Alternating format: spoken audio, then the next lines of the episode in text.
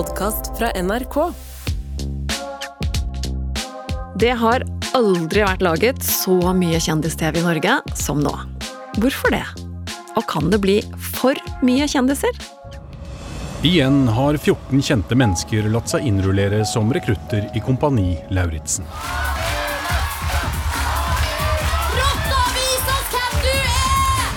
Nå har tolv kjendiser valgt å forlate sine trygge og komfortable liv for å ta over driften av denne gården. Fire nye team skal igjen ut for å konkurrere mot hverandre i et intenst kappløp gjennom røff norsk natur. Det er planen vår. Vi skal til finalen. Er du gal? Velkommen til finalen i Skal vi danse! Jeg skulle ikke grine. Jeg skulle virkelig ikke grine. Derfor har jeg invitert et representativt utvalg nordmenn i form av 24 kjendiser for å utsette dem for julestrias største utfordringer. Enda en sånn reality med kjendiser. Er for deg. Du lytter til Arena. Mitt navn er Jeanette Platou.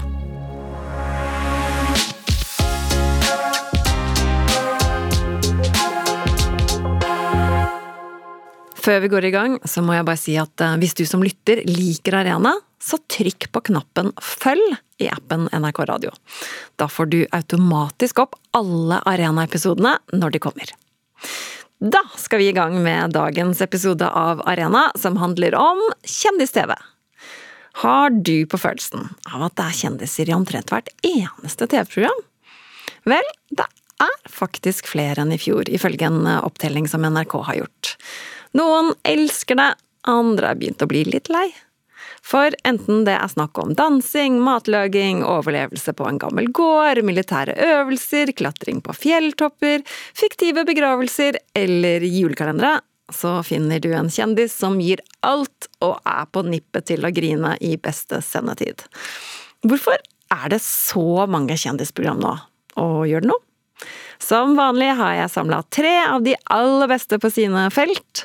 Morten Hegseth, journalist og programleder i VGTV, og inntil nylig dommer i Skal vi danse på TV 2. Velkommen! Takk skal du ha. Vilde Skanke Sunde, medieforsker ved Universitetet Oslo OsloMet. Velkommen! Takk. Og årets kjendisdeltaker ifølge Gullruten, Alexander Sæterstøl. Velkommen. Takk, takk. Ok, Jeg begynner med et åpningsspørsmål. Vilde, kan det bli for mange kjendisprogram? Ja. Kortversjonen. Kortversjonen, ok. Vi skal komme tilbake til det. Hva med deg, Morten? Kan det bli for mange? Absolutt. Det kan det, ja. Mm. Ah, Alexander, hva med deg? Ja, det kan jo for så vidt det. Eh, Morten, vi begynner med deg. Hva er ditt favorittkjendis-TV-program? Kompani Lauritzen. Hvorfor det? Og Skal vi danse. det må jeg si.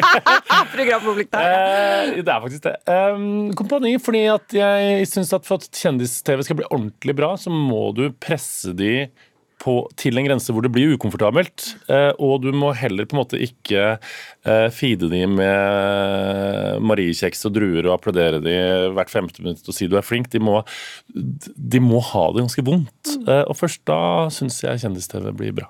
Det blir det Skal vi danse også. Jeg blir jo pressa der også. Morten, sammen med Vegard Harm så leder du podkasten og talkshowet Harm Hegseth. Der får jo dere besøk av masse kjendiser. Hvor opptatt er du av kjendiser? Jeg har liksom vært ganske opptatt av kjendiser i, i hele mitt liv. Det starta med da jeg fikk liksom 30 kroner av mamma. Tante Mari, da, som passa på meg når jeg gikk i barnehage. Og så kjøpte jeg Se og Hør hver tirsdag. Sykla i sånn trehjulssykkel og øh, fikk kjøpt øh, det fra jeg var sånn tre-fire år.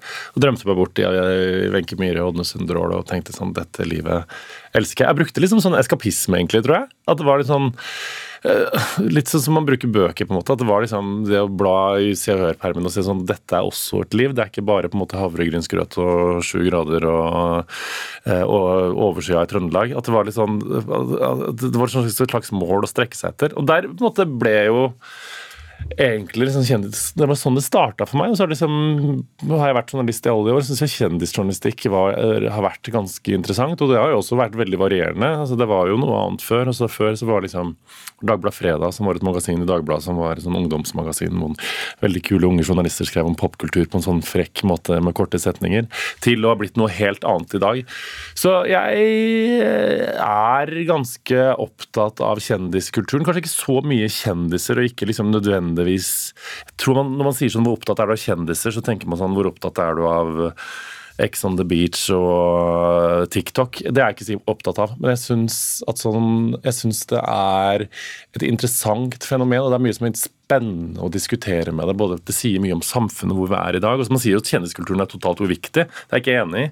Altså Se på liksom eksempel, Jeg tror uh, i forhold til homokampen så har de gjort masse, med å liksom vise liksom uh, homofile personer i TV og popkulturen og gjort det liksom uh, stuereint og fint i forhold til det å bli født i et annet kjønn enn det du egentlig er, med liksom Caitlyn Jenner og også RuPaul's Drag Race, som har åpna for dragkulturen.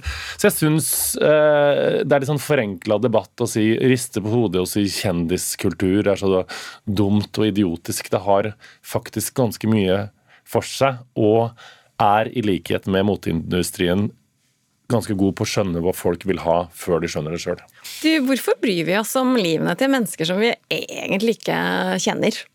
Nei, altså Det der er liksom psykologi som man snakker om liksom, i kriser i verden. og sånn. Hvorfor gråter vi mer eh, av et terrorangrep i nabokommunen enn vi gjør eh, av et terrorangrep i, på et annet kontinent? Og Det er fordi at vi eh, kjenner oss kjen, Vi føler at vi kjenner de, eh, og vi føler at de er en del av oss. Så når vi liksom eh, slår på en TV og det er noe kjendis-TV, så føler vi at Og det er jo litt sånn kjendiskulturen er i dag. Før var det mye mer lukka.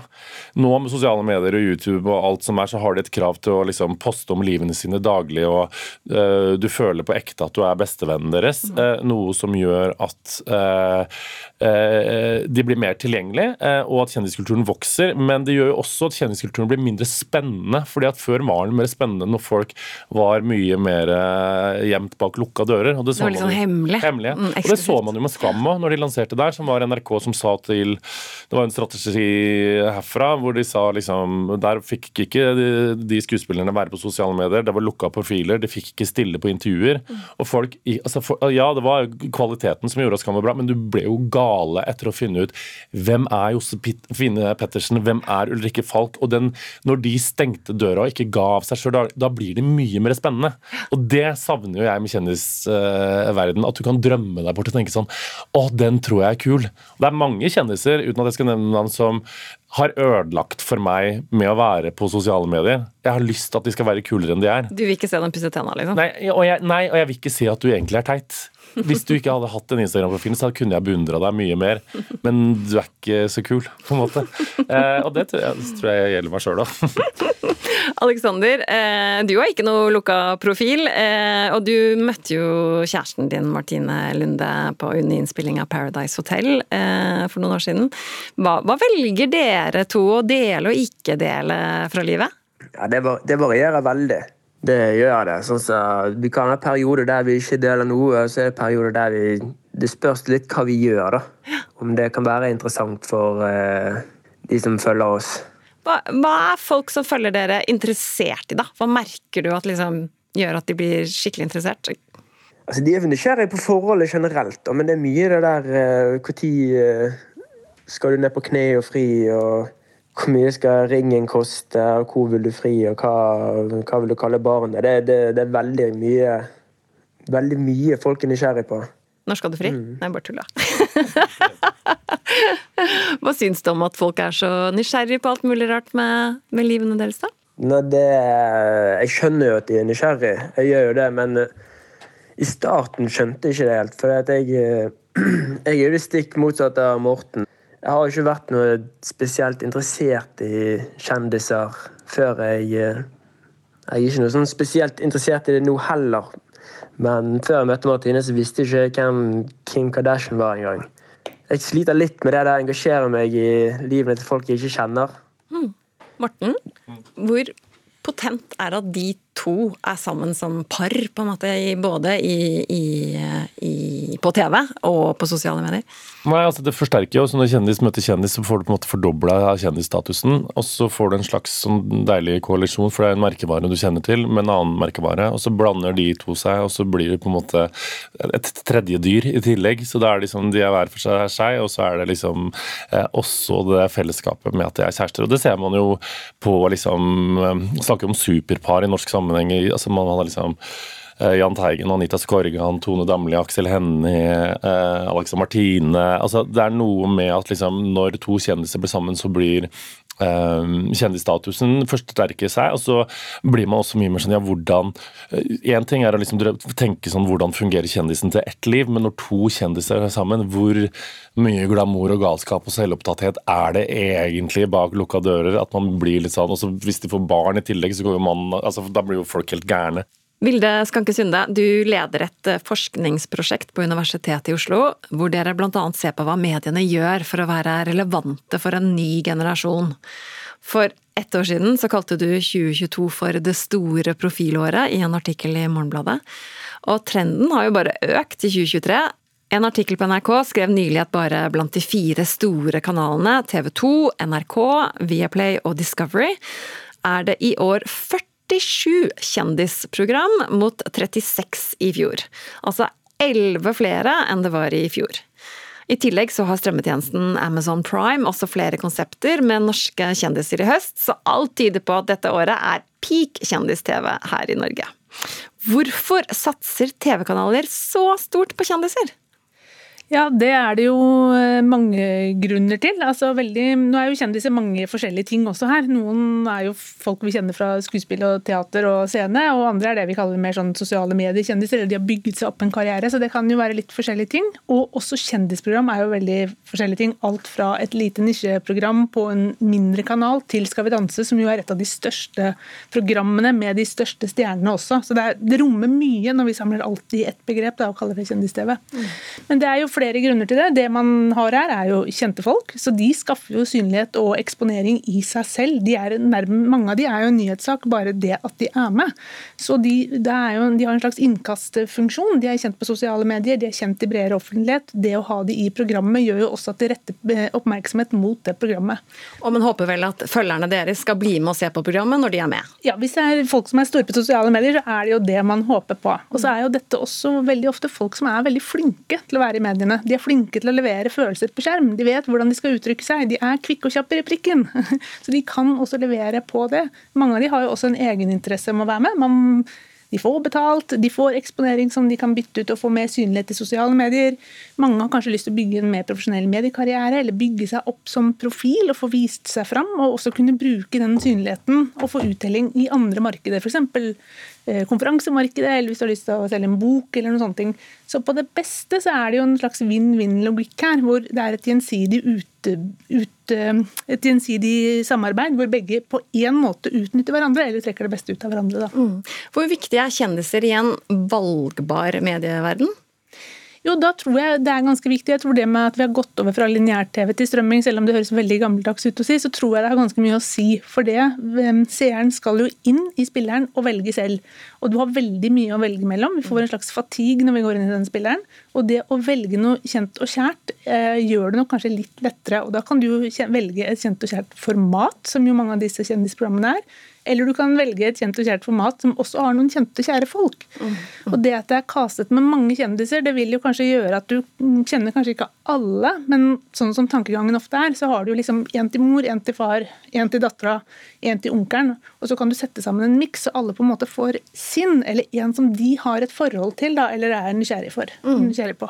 Dere ser også på hvordan tradisjonelle medier, sånn som NRK, da, påvirkes av nettmedier som YouTube, Instagram og TikTok. Eh, som jo alle de tradisjonelle mediene nå konkurrerer med i forhold til tidsbruk. Eh, fører den konkurransen også til mer kjendis-TV?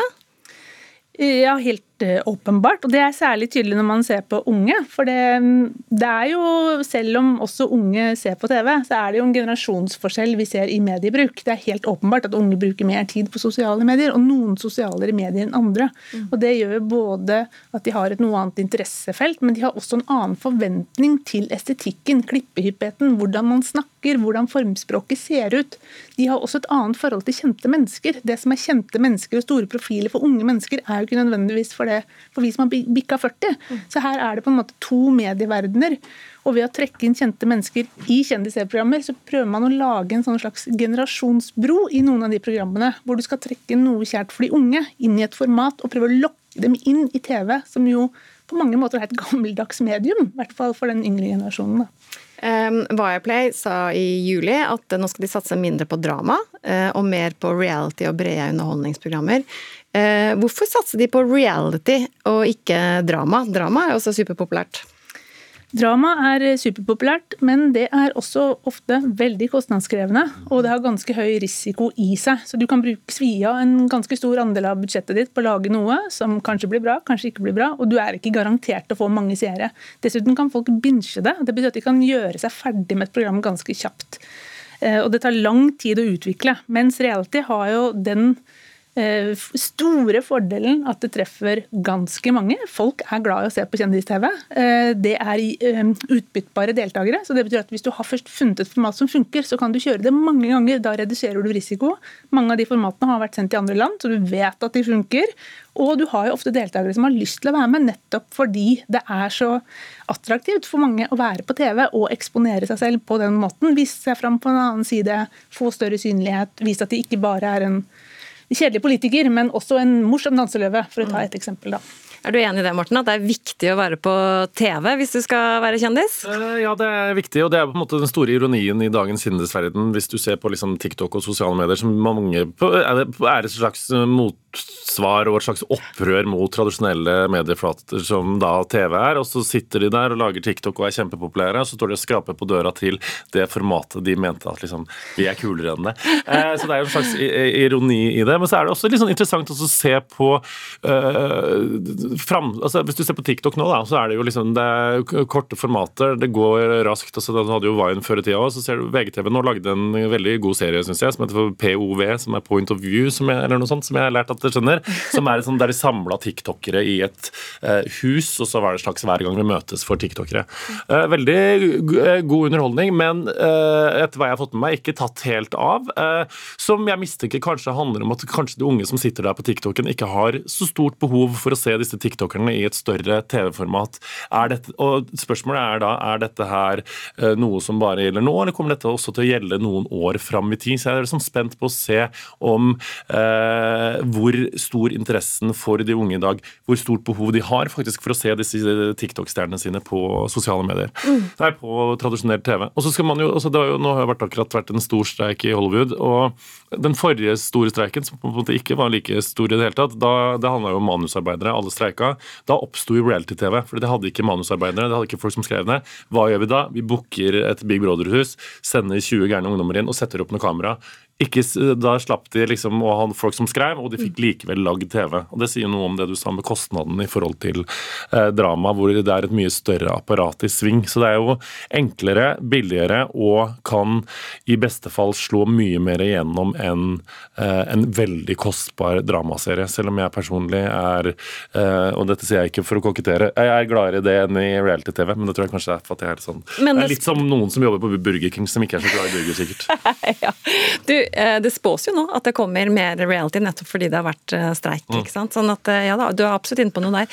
Um, Vilde sa det er et gi og ta-forhold Ja. mellom eh, profiler og, og mediehusene.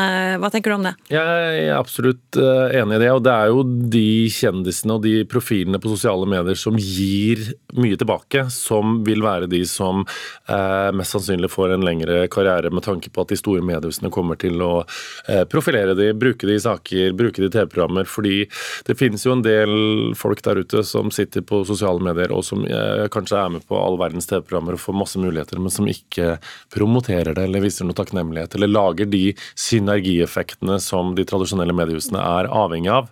Eh, og det er jo kult nok, det, at de ikke bryr seg, de, men da tror jeg at det fort stopper opp. Så det handler om eh, å gi og ta. Eh, og så er jeg sånn veldig sånn spent på hvor dette ender. Og jeg er litt sånn Vi snakker om kjendis-TV som at det er liksom kjendisen som er formatet. Eh, Men det er jo ikke det. Det er jo ikke sånn at du, kan sette fem kjendiser i et rom og si sånn vi skal lage et TV-program om å drikke kaffe, og så får du automatisk seersuksess. Du må ha et sterkt format i bunn, og så hjelper det hvis du har kjente profiler på toppen. Det er jo Kompani Lauritzen, som jeg nevnte som min favoritt, det er et godt eksempel på det. Et innmari sterkt format, som de også nå har lagd uten kjendiser, som funker nesten vel så bra. Så der ser du jo at det handler mye mer om det å se mennesker mestre, se mennesker liksom overvinne frykter, se mennesker liksom eh, gjøre ting hvor det ligger en sånn kjærlighet i bunnen. Da. Og det tror jeg jo nok kanskje er litt sånn eh, Stikkordet her, man glemmer at ofte det vi ser på, eh, er noe som gir oss en god følelse, ikke Eh, og selvfølgelig, du har programmer som Ex on the Beach hvor det krangles og hyles og ligges, men der tror jeg nok mye mer den der porno-nysgjerrigheten kommer inn enn nødvendigvis eh, den store trangen for å følge med dag til dag i en Mm. slags lineær fortelling. Mm, du var inne på det. Eh, Mediehusene trenger kjendiser nå, eh, og de er jo så populære og verdifulle for TV-bransjen at TV-prisen Gullruten i år for eh, første gang delte ut prisen for årets kjendisdeltaker. La oss høre fra prisutdelingen. Dere, det skulle ta 25 år, men endelig skal den mest hardtarbeidende yrkesgruppa få sin egen pris under Gullruten. Vi skal få æren av å dele ut prisen for Årets kjendisdeltaker! Og med tanke på hvor mange kjendiser som konkurrerer på TV hvert eneste år, så er dette kanskje den vanskeligste prisen å vinne, ikke sant? ja, jeg tror det er rett. Vinneren av årets kjendisdeltaker er Alexander Sæterstøl! Hvordan var det, Alexander, å vinne den prisen? Det var gøyere. Jeg er veldig, veldig glad for det. Det, var, det er sikkert noe av det største jeg har vunnet i hele mitt liv. Det var jo etter Farmen Formen eh, kjendis. Eh, Hvordan har reality-TV påvirket eh, karrieren din? Ja, det har jo påvirket veldig mye. Jeg meldte meg på Paris Hotel bare fordi at jeg ville se hva som skjedde. Jeg visste ikke at man kunne tjene penger på TV eller sosiale medier før jeg var med der, og så ble jeg sammen med en eh, som kunne det der med sosiale medier. Så ble det til at meg og hun fikk veldig mye TV-jobber, litt forskjellig etterpå, så da har det bare balt på seg. Mm. Du er jo aktuell i høst med to kjendisprogram. Du er med i humorserien på TV2 Kjendis AS. Og så har du et eget program sammen med samboeren din Martine på Amazon Prime, der dere pranker kjendiser. Eh, hvor ofte får du tilbud fra TV-produksjoner om å delta i kjendisprogram? Ikke så veldig ofte. Det er ikke sånn en gang i uken. Det, er kanskje et par stykker i måneden. Ja, men det er ikke så verst, det, da. Nei, men Det er mange som drømmer sånn, om det. Ja, ja, men det, det er litt sånn noe jeg tar, jeg tar egentlig bare det som passer best. Når TV-kanalene tar kontakt med dere eller produksjonsselskaper, vil de stort sett at dere skal være sammen, eller hva for dere? Det varierer veldig. Vi har gjort veldig mye sammen, og det er jo sikkert uh, pga. kanalen liker dynamikken mellom oss og ser at vi to klarer å prate sammen foran et, foran et kamera. Mm. Du sa i sted at du Mm. visste ikke at man kunne tjene penger på dette her. Hvor eh, lukrativt er det å delta i TV-konseptet som kjendis? Ja, det er ikke noe sånn spesielt lukrativt sånn sett, men det er jo, de, de betaler jo for tiden du bruker. og selvfølgelig Hvis du tenker dagshonoraret på et TV-program, så er jo det bra sånn sett, men det er ikke sånn altfor mye. Men det gjør deg kanskje til større kjendis, som gjør at du kan tjene på andre ting? Ja, selvfølgelig. Det er jo det som er vik- viktig, i hvert fall hvis du har eh, sosiale medier som en inntektskilde, og at du er aktuell med forskjellige TV-programmer. Morten, eh, hvor lukrativt er det å delta på disse her eh, kjendisprogrammene? Nei, altså Det er jo dessverre ikke sånn at eh, kjendisprogram har en egen fagforening hvor du har en egen tariff for hvor mye du skal ha for å være med på kjendis-TV. Og det varierer veldig fra program til program, fra kanal til kanal. Og fra kjendis til kjendis, sikkert? Nei, Ja, ikke i så stor grad som man kan tro, men det, det varierer mest fra kanal til kanal. Og der har du på en måte NRK og TV 2 eh, som ligger helt decent, sikkert TV 2 litt over. Så er ofte Discovery veldig flinke til å betale for programmet. Så det, liksom, det, varierer litt og uh, ut fra liksom, ja, lommeboka til kanalen, rett og slett. Så det er ikke, det er ikke, eh, det er ikke noe man blir altså Enkelte programmer kjenner man veldig godt på, andre ting gjør man ikke. det, Men så er det som du sier, sånn, ringvirkningene i etterkant. Når jeg var med for eksempel, i Skal vi danse i 2018, uh, hvis jeg skal sette meg ned og telle antall konferansierjobber, antall scenejobber jeg fikk i etterkant, eller Lyco-reklamer på Instagram, så regner det seg opp som jeg ikke hadde fått uten å delta. Så hvis du ser på det store bildet og du treffer, så har det veldig gode konsekvenser. Hvis du først er med i et program som treffer godt og når et publikum, så åpner det ganske mange dører. ja. Mm.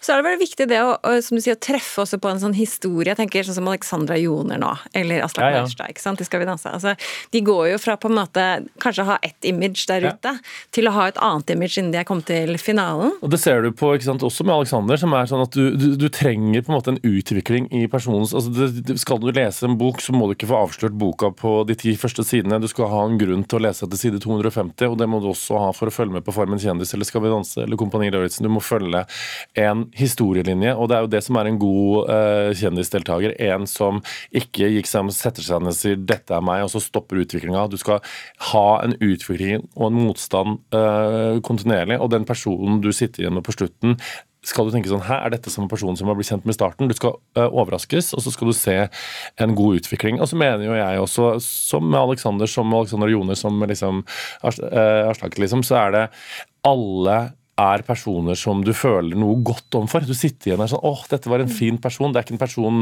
eh, som du har lyst til å liksom sette deg ned og kjefte på. Nei, så Det er- stemmer du ikke. Nei, men det er også, du har jo alltid det i reality. altså du har en, Plutselig sender du inn en Kari Jakkesson for å vippe opp litt ting. Eller, så du har, men det blir aldri liksom den store seerfavoritten. Men den er nødvendig for å komme inn lage en konfrontasjon og sette en drama og en skandale, men for å liksom gå ut som en slags seerfavoritt og eventuelt vinne en pris som Alexander gjorde her, så tror jeg du er nødvendig av å bli likt av folk, og at du skal sitte igjen og tenke sånn dette var jaggu en fin type eller en fin dame eller eh, et eller annet.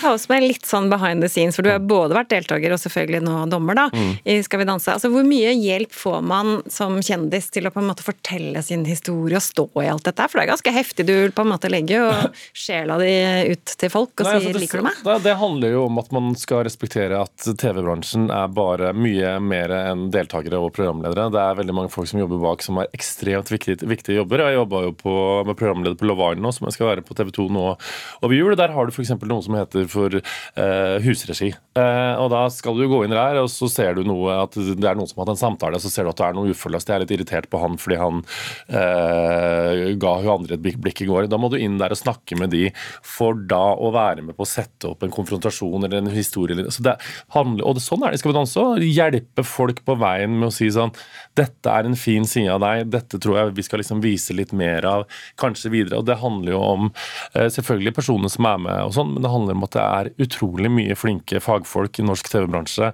i produksjonsmiljøene, enten det er Monster eller Nordisk eller hva som helst, som sitter der og lager TV sånn at vi føler at vi liksom har fått oss noen nye venner og lært noe nytt. Mm. Vilde, NRK skal jo nå straks i gang med en ny eh, julekalender. Eh, Maskorama går så det suser. I fjor med julekalenderen da, så fikk jo NRK litt sånn kritikk for at eh, vi i NRK også heiv oss på denne kjendisbølgen. Hvilke konsekvenser får det for helheten når også NRK kaster seg på kjendisbølgen? Ja, for å svare bra på det, så må man liksom gjøre det litt sånn Så må man nesten svare litt komplekst, for det er ikke noe problem at NRK har et kjendisprogram eller to, eller, eller for den saks skyld at de har ti. Problemet blir jo hvis det blir en veldig sånn kannibaliserende form å formidle innhold på. At den trekker inn over seg alt annet innhold. At det ikke lenger fins kulturprogrammer. Man kan ikke formidle kultur uten at det er en kjendis. Man kan ikke formidle sport eller nyheter eller så hvis den på en måte spiser opp Eller vi prioriterer ikke å lage drama, for vi skal bare så Hvis den får den kannibaliserende effekten, så er det jo veldig lett å se at det blir et problem. Eh, Det tror ikke jeg NRK kommer til å gjøre, men det er jo litt det som også ligger i det profilbegrepet. Hvis, hvis kjendiser og profiler som er store på sosiale medier, blir vår tids eksperter, og de vi tyr til for å både eh, vite hva vi skal mene om ting, men også de som navigerer oss i det både kommersielle og meningsytrende samfunnet, da, så, er det liksom, mm, så er jo det et potensielt problem. Men som sagt, det er jo et stykke ditt, så det spørs egentlig litt sånn hvor kannibaliserende blir det, hvor mye av det blir, og forringer det egentlig noe annet eller ikke. Så kan jeg bare nevne også at eh, når vi har gjort de undersøkelsene våre, så er det jo veldig mange som jobber med dette, som også sier selv jeg er ganske metta på kjendis.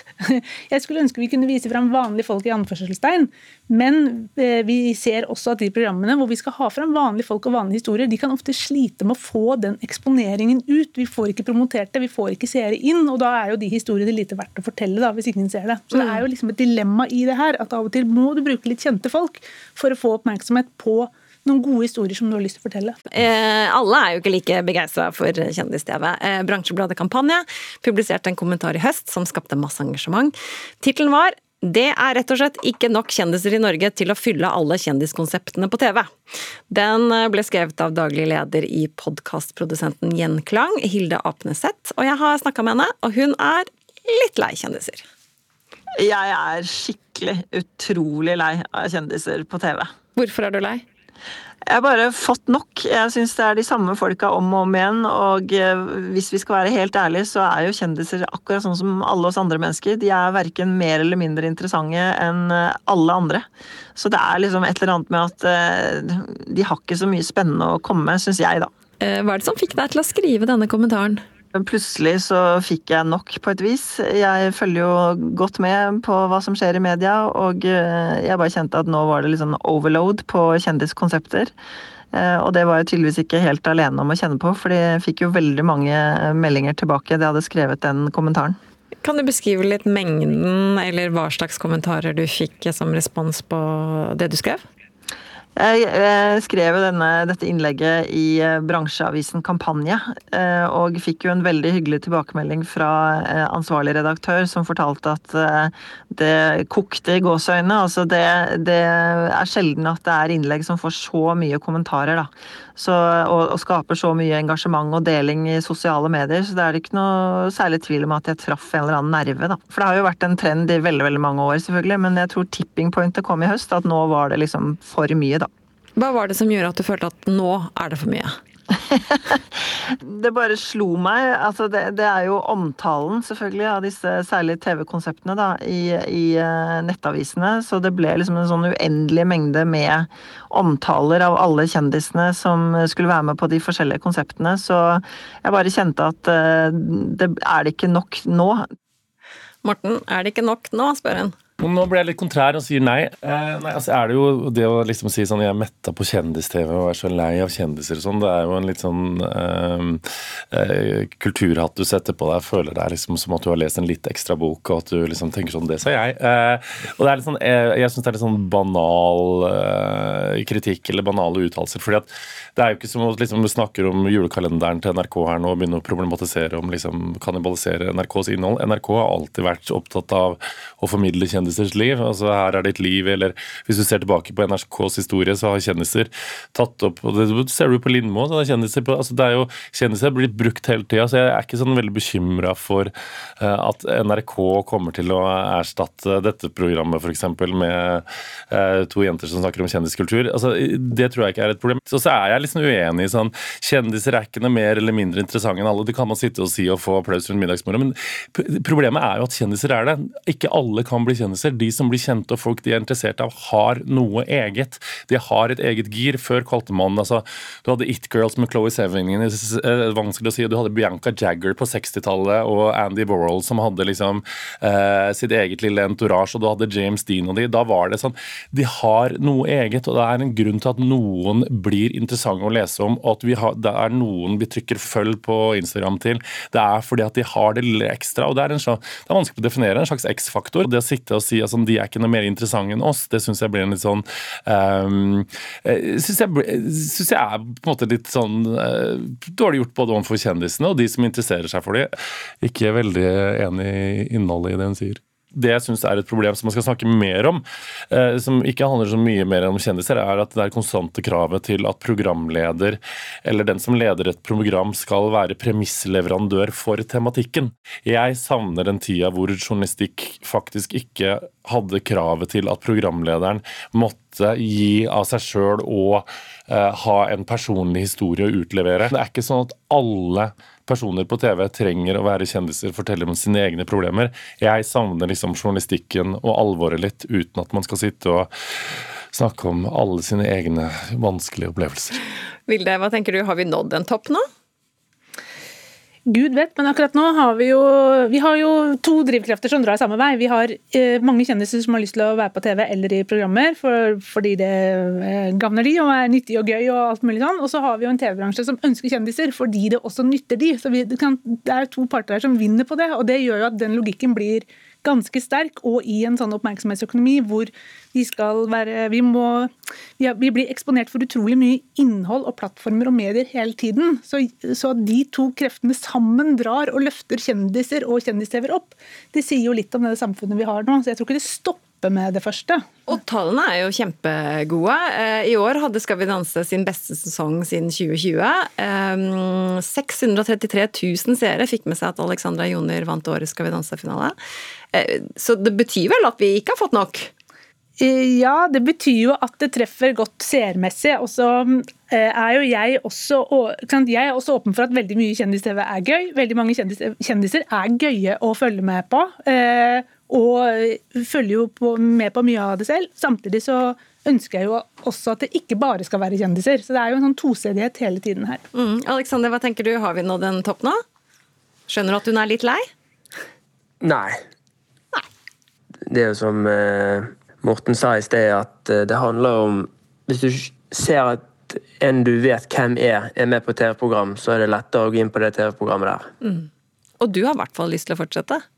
Ja, jo da, jeg fortsetter så lenge det varer. Jeg melker den kuen så lenge det varer. Det er sånn jeg har tenkt i alle år, så det har på en måte aldri stoppet. Vi må avslutte. Morten, hvor tror du vi er på vei nå i utviklingen av kjendis-TV? Jeg tror vi er på vei eh, Jeg sier det igjen, kjendisen er ikke formatet, det er formatet som er stjerna. Så er kjendisen med på å gjøre det enklere å dra formatet, for at vi veit litt hvem det er fra før.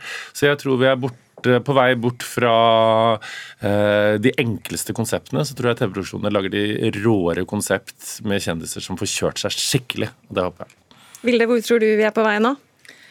Jeg tror vi er på vei med fortsatt ganske mye kjendis eh, på TV. Og så tror jeg vi er på vei mot et mye mer mangfoldig kjendisbegrep, hvor det kan romme både en som er kjempestor i målgruppa 16 til eh, 40 pluss. Så det tror jeg blir, er, det rommer mye mer, det begrepet. Og det kommer vi til å se mye tydeligere i årene fremover. Alexander, hva med deg? Hvor tror du vi er på vei nå med kjendis-TV? Eh, Jeg tror det blir mer ut av det.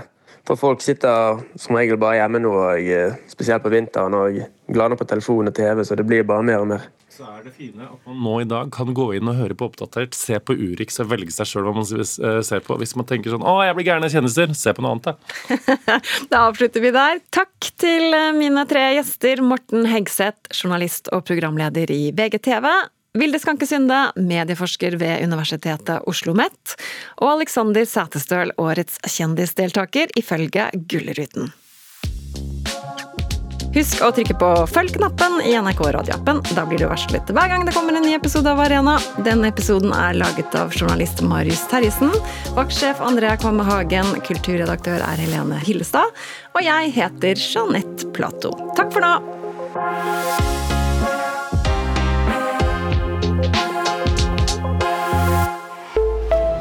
En podkast fra NRK. Hei, jeg heter Silje Biermann, og hver uke inviterer jeg en gjest til forfatterintervjuet. Og veien til bok, den kan komme fra overraskende steder. Så gjorde jeg en MDMA-reise med en psykedelisk terapeut. Og så lå jeg der i fem timer, og det som skjedde var at jeg, jeg for første gang i hele mitt liv kjente meg trygg. Men noen ganger er det best å kaste det i søpla. Jeg skrev en roman før det òg, som ikke ble antatt noen sted. Takk Gud for det. Slutt så klarte ikke jeg ha det i skuffa lenger, jeg bare kasta det. altså. Det var forferdelig. Vi høres i Åpen bok i appen NRK Radio.